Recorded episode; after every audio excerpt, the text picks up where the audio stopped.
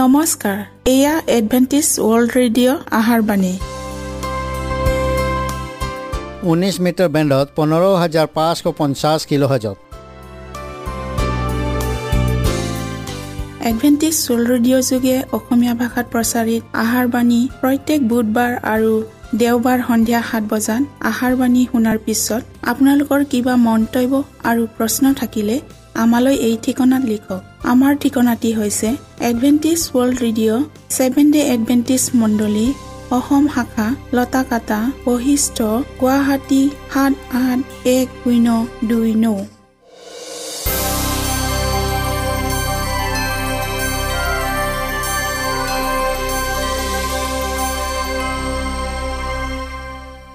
প্ৰিয় শ্ৰোতা বন্ধুসকল এতিয়া শুনো আহক এটি খ্ৰীষ্টীয় ধৰ্মীয় গীত।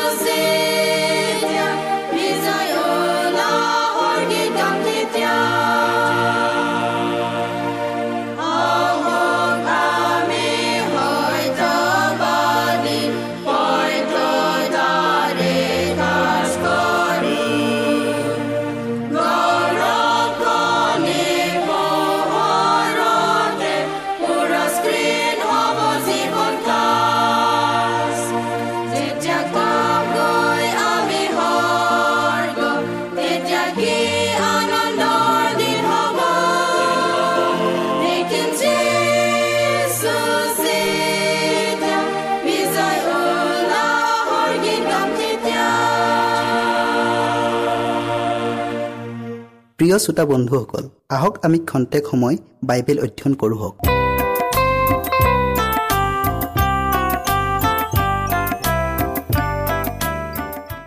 আজিৰ বিষয় হৈছে ঈশ্বৰৰ মণ্ডলীৰ পৰিচয়। খ্ৰীষ্টীয়ৰ প্ৰত্যেকজন অনুগামীয়েই কোনো সন্দেহ নোহোৱাকৈ খ্ৰীষ্টীয়ৰ সত্য মণ্ডলী কোনটো আৰু তেওঁ নিজেও সেই মণ্ডলীত যে আছে তাক জনা উচিত।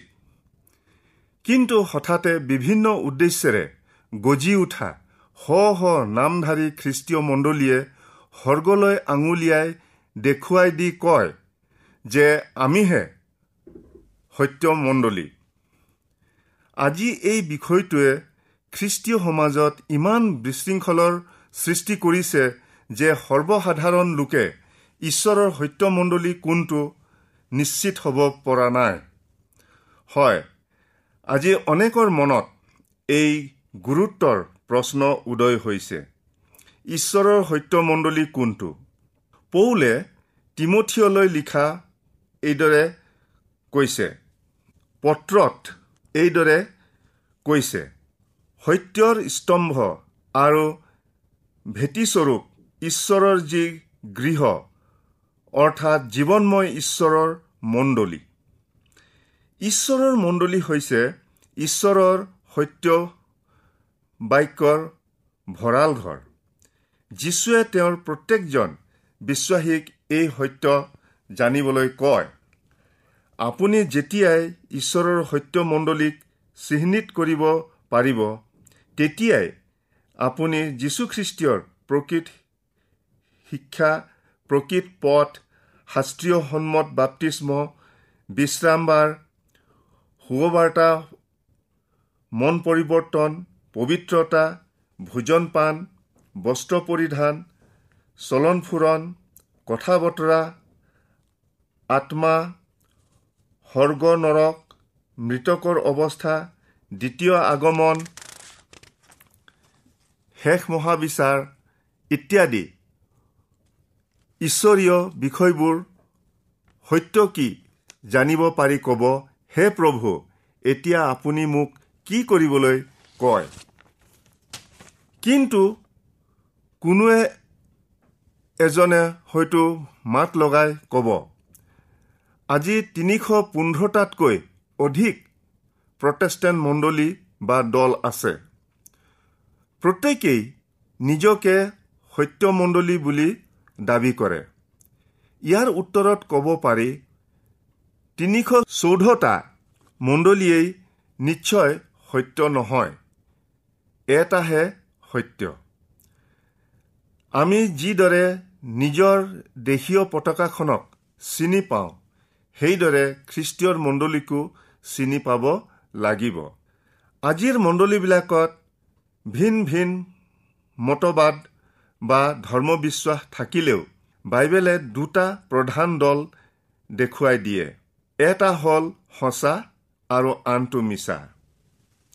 প্ৰকাশিত বাক্য বাৰ অধ্যায়ত থকা সতী তিৰোতাজনীয়েই ঈশ্বৰৰ পবিত্ৰ আৰু সত্যমণ্ডলীৰ প্ৰতীকস্বৰূপ অসতী তিৰোতাৰ প্ৰতীকেৰে কৃত্ৰিম বা মিছা মণ্ডলীক বাবিলন বুলি ঈশ্বৰে পৰিচয় কৰাই দি কৈছে আজি যিবোৰ মিছন মণ্ডলী জগতত আছে সেইবোৰত ঈশ্বৰৰ আজ্ঞাৰ সৈতে কোনো সাদৃশ্য দেখা নাযায়। বাইবেলে তেনে মণ্ডলীবোৰক মিছা আৰু বাবিল মণ্ডলী বুলি নামাকৰণ কৰিছে। কিয়নো অতীতৰ বাবিল অসাৰ ধৰ্মবিশ্বাসৰ প্ৰতীকস্বৰূপ আছিল। আমি সত্য উদঘাটনৰ বাবে প্ৰকাশিত বাক্য বাৰ অধ্যায় আৰু সোতৰ অধ্যায়ৰ মহান ভাৱবাণীবোৰ অধ্যয়ন কৰোঁ। হওক প্ৰথমতে আমি জগতৰ কৃত্ৰিম বা মিছা মণ্ডলীৰ প্ৰতীক সেই অহুচি তিৰোতাজনীৰ বিষয়ে প্ৰকাশিত বাক্য সোতৰ অধ্যায় তিনি পদৰ পৰা পাঁচ পদলৈ কি বৰ্ণনা কৰিছে পঢ়ো হওক। তেতিয়া দূতে মোক আত্মাত অৰণ্যলৈ লৈ গ'ল। তাত এটা সেন্দুৰ বৰণীয়া পহুৰ ওপৰত এজনী তিৰোতা বহি থকা দেখিলোঁ। তাইৰ হাতত এটা সোণৰ পাত্ৰ আছিল। তাৰ ভিতৰখন তাইৰ বেবিচাৰৰ ফলস্বৰূপ ঘীন লগা অপবিত্ৰ বস্তুবোৰেৰে পৰিপূৰ্ণ হৈ আছিল। তাইৰ কপালত গুপ্ত অৰ্থ থকা এই নামটো আছিল মহাবাবিল। পৃথিৱীৰ সকলো বেশ্যা আৰু ভ্ৰষ্টাচাৰীবিলাকৰ মাতৃ। বৰ্ণনাবোৰলৈ মন কৰক।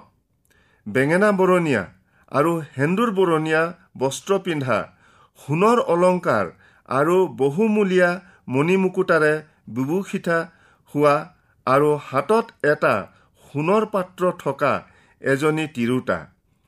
সেই তিৰোতাজনীৰ হাতত থকা পাত্ৰটোৰ ভিতৰখন তাইৰ বেবিচাৰৰ ফলস্বৰূপ ঘীন লগা অপবিত্ৰ বস্তুবোৰেৰে পৰিপূৰ্ণ হৈ আছিল। অহুচিতাৰ কি যে এটা উপযুক্ত বৰ্ণনা। আজিৰ যুগৰ কৃত্ৰিম বা নকল মণ্ডলীবোৰক বুজাবলৈ ঈশ্বৰে এই প্ৰতীক ব্যৱহাৰ কৰিছে।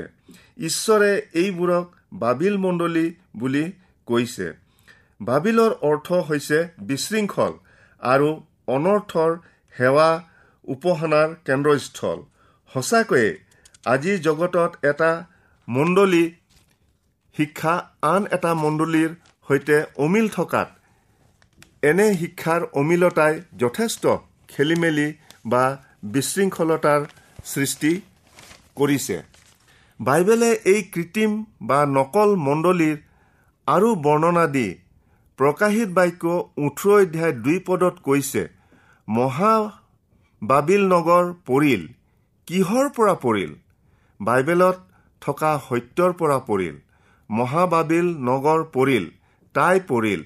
চাৰি পদত আৰু কৈছে তাৰ পাছতেই মই এনে এটা আকাশীবাণী শুনিলো হে মোৰ লোকসকল ওলাই আহা তাইৰ অৰ্থাৎ নামধাৰী খ্ৰীষ্টীয় মণ্ডলীসমূহৰ পৰা ওলাই আহা। তোমালোক তাইৰ পাপৰ ভাগি নহবা। তাইৰ দণ্ডৰ ভাগ নলবা। পাপ কি?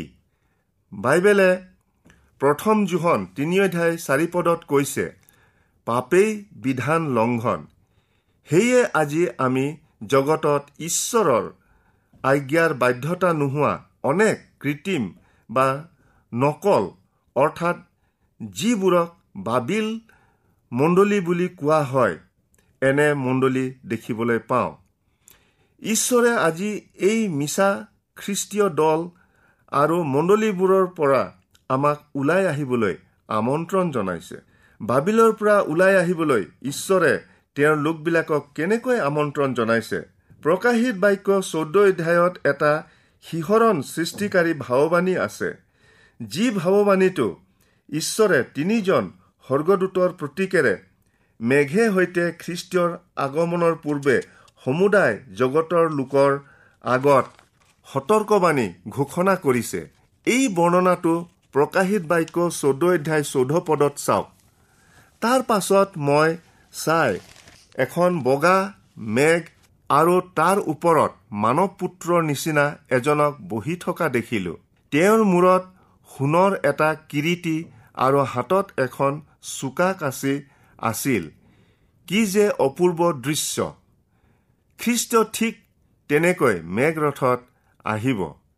এতিয়া আমি প্ৰকাশিত বাক্য চৌধ্য অধ্যায়ৰ ছয় সাত পদ মন কৰোঁ হওক। তাৰ পাছত মই আকাশৰ মাজেদি আন এজন স্বৰ্গদূতক উৰি যোৱা দেখিলোঁ। উক্ত পদবোৰত জগতৰ আটাই জাতি ফৈদ ভাষা আৰু লোকৰ আগত সুদবিচাৰৰ সময়ৰ বাৰ্তা ঘোষণা কৰিছে। কিন্তু আন এজন দূতে প্ৰথমজনক অনুসৰণ কৰি এই বাণী ঘোষণা কৰি কৈছে আঠপদত চাওক। তাৰ পাছত আন এজন স্বৰ্গদূতে প্ৰথমজনৰ পাছে পাছে গৈ ক'লে তাই পৰিল বাবিল পৰিল। যি বাবিলে তাইৰ বেবিচাৰৰ দ্ৰাক্ষাৰ সকলো জাতিকে পাণ কৰাইছিল সেই মহাবাবিল পৰিল। ইয়াতে আমি দেখিবলৈ পাওঁ যে এই মহান সতৰ্কতাৰ ঘোষণাত মহাবাবিলৰ পতন হ'ল। সমুদায় জগতৰ আগত ঘোষণা কৰাৰ লগে লগে হে মোৰ লোকসকল তাইৰ পৰা ওলাই অহা এই আমন্ত্ৰণৰ বাণীও পঠোৱা হৈছে। আমি আৰু আন এটা তৃতীয় বাণী প্ৰকাশিত বাক্য চৌধ্য অধ্যায় ন পদৰ পৰা বাৰ পদলৈ পাওঁ। তাৰ পাছত প্ৰথম দুজনৰ পাছে পাছে তৃতীয় এজন স্বৰ্গদূতে উৰি ফুৰি বৰ মাতেৰে ক'লে যিকোনোৱে সেই পহুটোক আৰু তাৰ প্ৰতিমূৰ্তিটোক প্ৰণিপাত কৰিব আৰু কপালত বা হাতত চাপ ল'ব। তেওঁ ঈশ্বৰৰ ক্ৰোধৰ পাণপাত্ৰত যুগুতাই থোৱা তেওঁৰ কোপৰ অমিশ্ৰিত চোকা দ্ৰাক্ষাৰস পাণ কৰিব। সেই পহুটো কোন আৰু তাৰ চাপ কি? শ্ৰীযুত ছয়শ ছয়ষষ্ঠি কোন? কপালত বা হাতত চাপ লোৱাৰ অৰ্থ বা কি? আমি চাওঁ হওক বিশেষকৈ এই চাপটো কি আমি জনা অতি আৱশ্যক। কিয়নো ঈশ্বৰে কৈছে এই চাপ লোৱা মানুহৰ পতন নিশ্চিত। আনহাতে মানুহে কৈছে এই চাপ নল'লে তেওঁ কিনা বেচা কৰিব নোৱাৰিব। সেয়ে এই গুৰুত্বপূৰ্ণ বিষয়টো অৰ্থাৎ বহুতোৰ চাপ জনা অতি প্ৰয়োজন। ঈশ্বৰৰ আজ্ঞাৰ বাধ্যতা হোৱা লোকবিলাকৰ লক্ষণ জোহনে দৰ্শনত দেখা পাইছিল। এই হেতুকে ঈশ্বৰৰ আজ্ঞা পালন কৰা আৰু যীশুৰ প্ৰতি বিশ্বাসী হৈ থকা পবিত্ৰ লোকবিলাকৰ বাবে ধৈৰ্যৰ প্ৰয়োজন আছে। ইয়াত যীশুৰ প্ৰতি বিশ্বাসীবিলাকে সেই পহুৰ চাপ নললে তেওঁবিলাক সেই মহাবেশ্যা বাবিলৰ পৰা ওলাই আহিল। আৰু সেই মহাবিচাৰৰ দিনৰ নিমিত্তে যুগুত হ'ল। ইয়াৰ বাবেই তেওঁলোকক বৰ্ণনা কৰি কোৱা হৈছে ঈশ্বৰৰ আজ্ঞা পালন কৰা আৰু যীশুৰ প্ৰতি বিশ্বাসী হৈ থকা পবিত্ৰ লোকবিলাক। যেতিয়াই কোনো ব্যক্তিয়ে ঈশ্বৰৰ মাত শুনি সেই মহাবেশ্যা বাবিলৰ পৰা ওলাই আহিব তাৰ পাছত তেওঁ কলৈ গতি কৰিব? আহক শেষৰ দিনত ঈশ্বৰৰ সত্য মণ্ডলীৰ তিনিটা ক্ষণিক দৃষ্টিৰে প্ৰকাশ কৰিছে। তাৰ পাছত আকাশত এটা বৃহৎ আৰু আচৰিত দৃশ্য দেখা গ'ল। সূৰ্যক পিন্ধা আৰু ভৰিৰ তলত চন্দ্ৰ আৰু মূৰত বাৰটা তৰাৰ কিৰিটি থকা এনে এজনী তিৰোতা তাত দেখা গ'ল। আমি কেৱল এটা সিদ্ধান্তলৈ আহোঁ যে প্ৰকাশিত বাক্য বাৰ অধ্যায়ত তিৰোতাজনীৰ প্ৰতীকেৰে দৰ্শনত দেখুওৱা দৃশ্যটো যীশুখ্ৰীষ্টৰ একমাত্ৰ সত্য মণ্ডলী তিৰোতাজনীৰ ভৰিৰ তলত থকা চন্দ্ৰটোৱে মুচিৰ যুগ বা চাহস্বৰূপ যুগক বুজায়। সূৰ্যই খ্ৰীষ্টীয় যুগৰ পোহৰক বুজায়। পাপৰ পৰা মুক্তি পাবৰ অৰ্থে যি মেৰ পোৱালি বলিদান কৰা হৈছিল এই আটাইবিলাক কালবাৰী ক্ৰুচত সিদ্ধ হোৱা প্ৰকৃত বলিদানলৈ আঙুলিয়াই দেখুৱাই দিছিল। ভৰিৰ তলত থকা চন্দ্ৰ আৰু মূৰৰ ওপৰত থকা সূৰ্যই মুচিৰ যুগ অতিক্ৰম কৰি সম্পূৰ্ণ খ্ৰীষ্টীয় যুগৰ আৰম্ভণিক বুজায়। সেয়ে ইয়াত ঈশ্বৰৰ সত্যমণ্ডলীক খ্ৰীষ্টীয় যুগত অংকিত কৰি দেখুৱাইছে। তিনি পদত আকাশত আন এটা আচৰিত দৃশ্য আমি দেখিবলৈ পাওঁ। সাতোটা মূৰ আৰু দহোটা শিং থকা আৰু প্ৰত্যেকটো মূৰত একোটাকৈ কিৰিটি থকা প্ৰকাণ্ড ৰঙা নাগ এটা তাত আছিল। ন পদত এই ৰঙা নাগটোৰ নাম উল্লেখ আছে। পাছে সেই প্ৰকাণ্ড নাগক অৰ্থাৎ দিয়াবল বা ছয়তান নামেৰে প্ৰখ্যাত যি পুৰণি সাপে গোটেই জগতখনকে বিপথে নিছিল তাক পৃথিৱীলৈ পেলাই দিয়া হ'ল। প্ৰকাশিত বাক্য বাৰ অধ্যায়ত আমি খ্ৰীষ্ট আৰু ছয়তানৰ মাজত হোৱা ঘূৰ বিবাদৰ বৰ্ণনা পাওঁ। কেনেকৈ ছয়তানে ঈশ্বৰৰ মণ্ডলীক ধ্বংস কৰিবলৈ চেষ্টা কৰিছে। ছয় পদ আৰু চৌধ পদত ঈশ্বৰৰ মণ্ডলী এক হাজাৰ দুশ ষাঠি দিনলৈ অৰ্থাৎ মৰুভূমিত লুকাই থকাৰ ছবিখনে প্ৰমাণ কৰে যে ঘূৰ অন্ধকাৰে পুপীয় শক্তিৰ দ্বাৰাই পাঁচশ আঠত্ৰিছ খ্ৰীষ্টাব্দৰ পৰা সোতৰশ আঠানব্বৈ খ্ৰীষ্টাব্দলৈ প্ৰকৃত সত্যক কেনেকৈ সুদীৰ্ঘ দিন ধৰি ঢাকি ৰাখিছিল। প্ৰকাশিত বাক্য বাৰ অধ্যায় ছয় পদৰ কথাখিনি মন কৰক। তাতে ঈশ্বৰে যি এখন ঠাই যুগুত কৰি থৈছিল সেই মৰুভূমিলৈ এক হাজাৰ দুশ ষাঠি দিনলৈকে প্ৰতিপালিত হ'বৰ কাৰণে সেই তিৰোতাজনী পলাই গ'ল।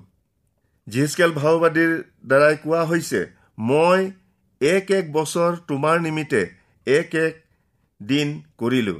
সেয়ে ইয়াত এক হাজাৰ দুশ ষাঠি দিনে এক হাজাৰ দুশ ষাঠি বছৰ বুজায়। এইখিনিতে এজন ইতিহাস লিখকৰ এটি অসাধাৰণ উক্তি পঢ়িবলৈ পাওঁ। পাঁচশ আঠত্ৰিছ খ্ৰীষ্টাব্দত ৰোমৰ বিশ্বপ সমগ্ৰ গীৰ্জাৰ মুৰব্বী আৰু প্ৰচলিত ধৰ্মমত বিৰোধীৰ সংস্কাৰক হ'ল। পূপৰ অধিপত্য বিস্তাৰ হোৱা এক হাজাৰ দুশ ষাঠি বছৰ আৰম্ভণিৰ বহু বছৰলৈকে জনসাধাৰণে বাইবেল শাস্ত্ৰ অধ্যয়ন কৰিলে মৃত্যুদণ্ড বিহিছিল। ঠিক তেনেকৈ যিসকলে ঈশ্বৰৰ বিশ্ৰামবাৰ পালন কৰিছিল আৰু ধৰ্মশাস্ত্ৰৰ আজ্ঞা মানি চলিছিল তেনেকুৱা হাজাৰ হাজাৰ লোকক নিৰ্বিচাৰে বধ কৰিছিল।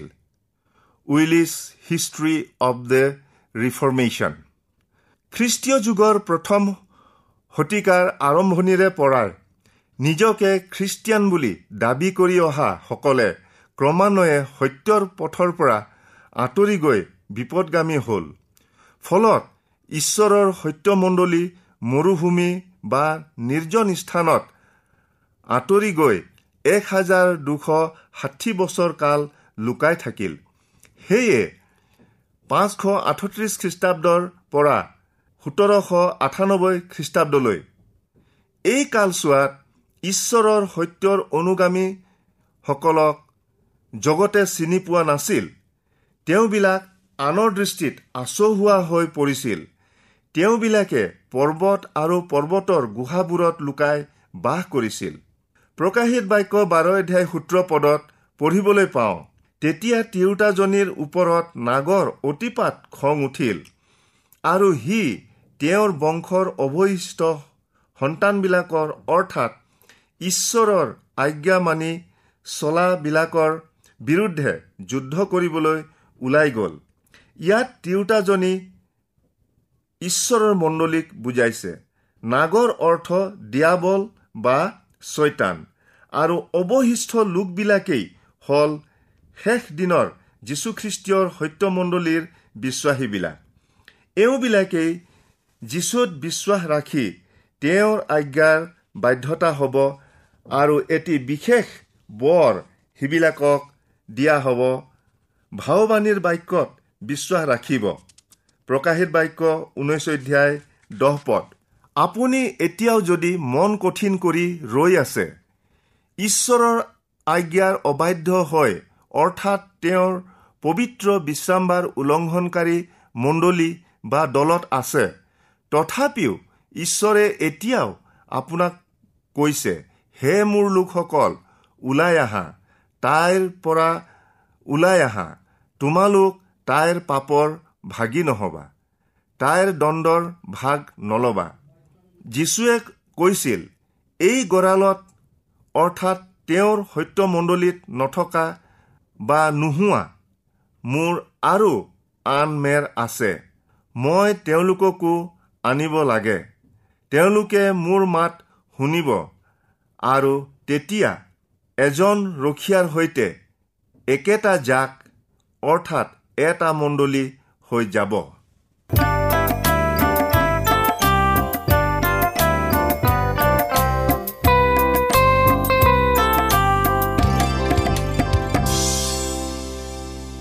ইমানপৰে আমি বাইবেল অধ্যয়ন কৰিলোঁ। এতিয়া আকৌ শুনো আহক এটি খ্ৰীষ্টীয় ধৰ্মীয় গীত।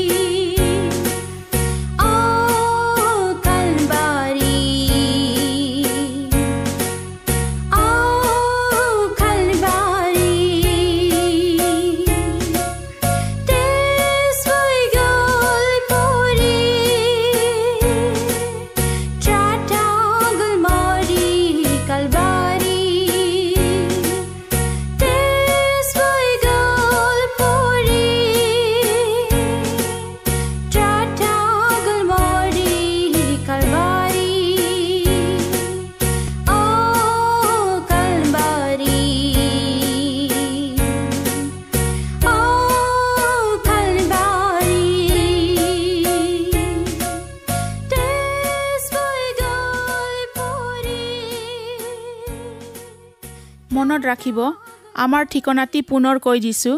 Adventist World Radio' Assam region of seven day Adventist Voice of Hope Lotakata Basistha Guwahati seven eight one zero' two nine প্ৰিয় শ্ৰোতা বন্ধুসকল এডভেণ্টিজ ৱৰ্ল্ড ৰেডিঅ' যোগে আহাৰবাণী প্ৰচাৰত আপোনালোকক পুনৰ লগ পোৱাৰ আহাৰে আজিলৈ সামৰিলোঁ। ধন্যবাদ।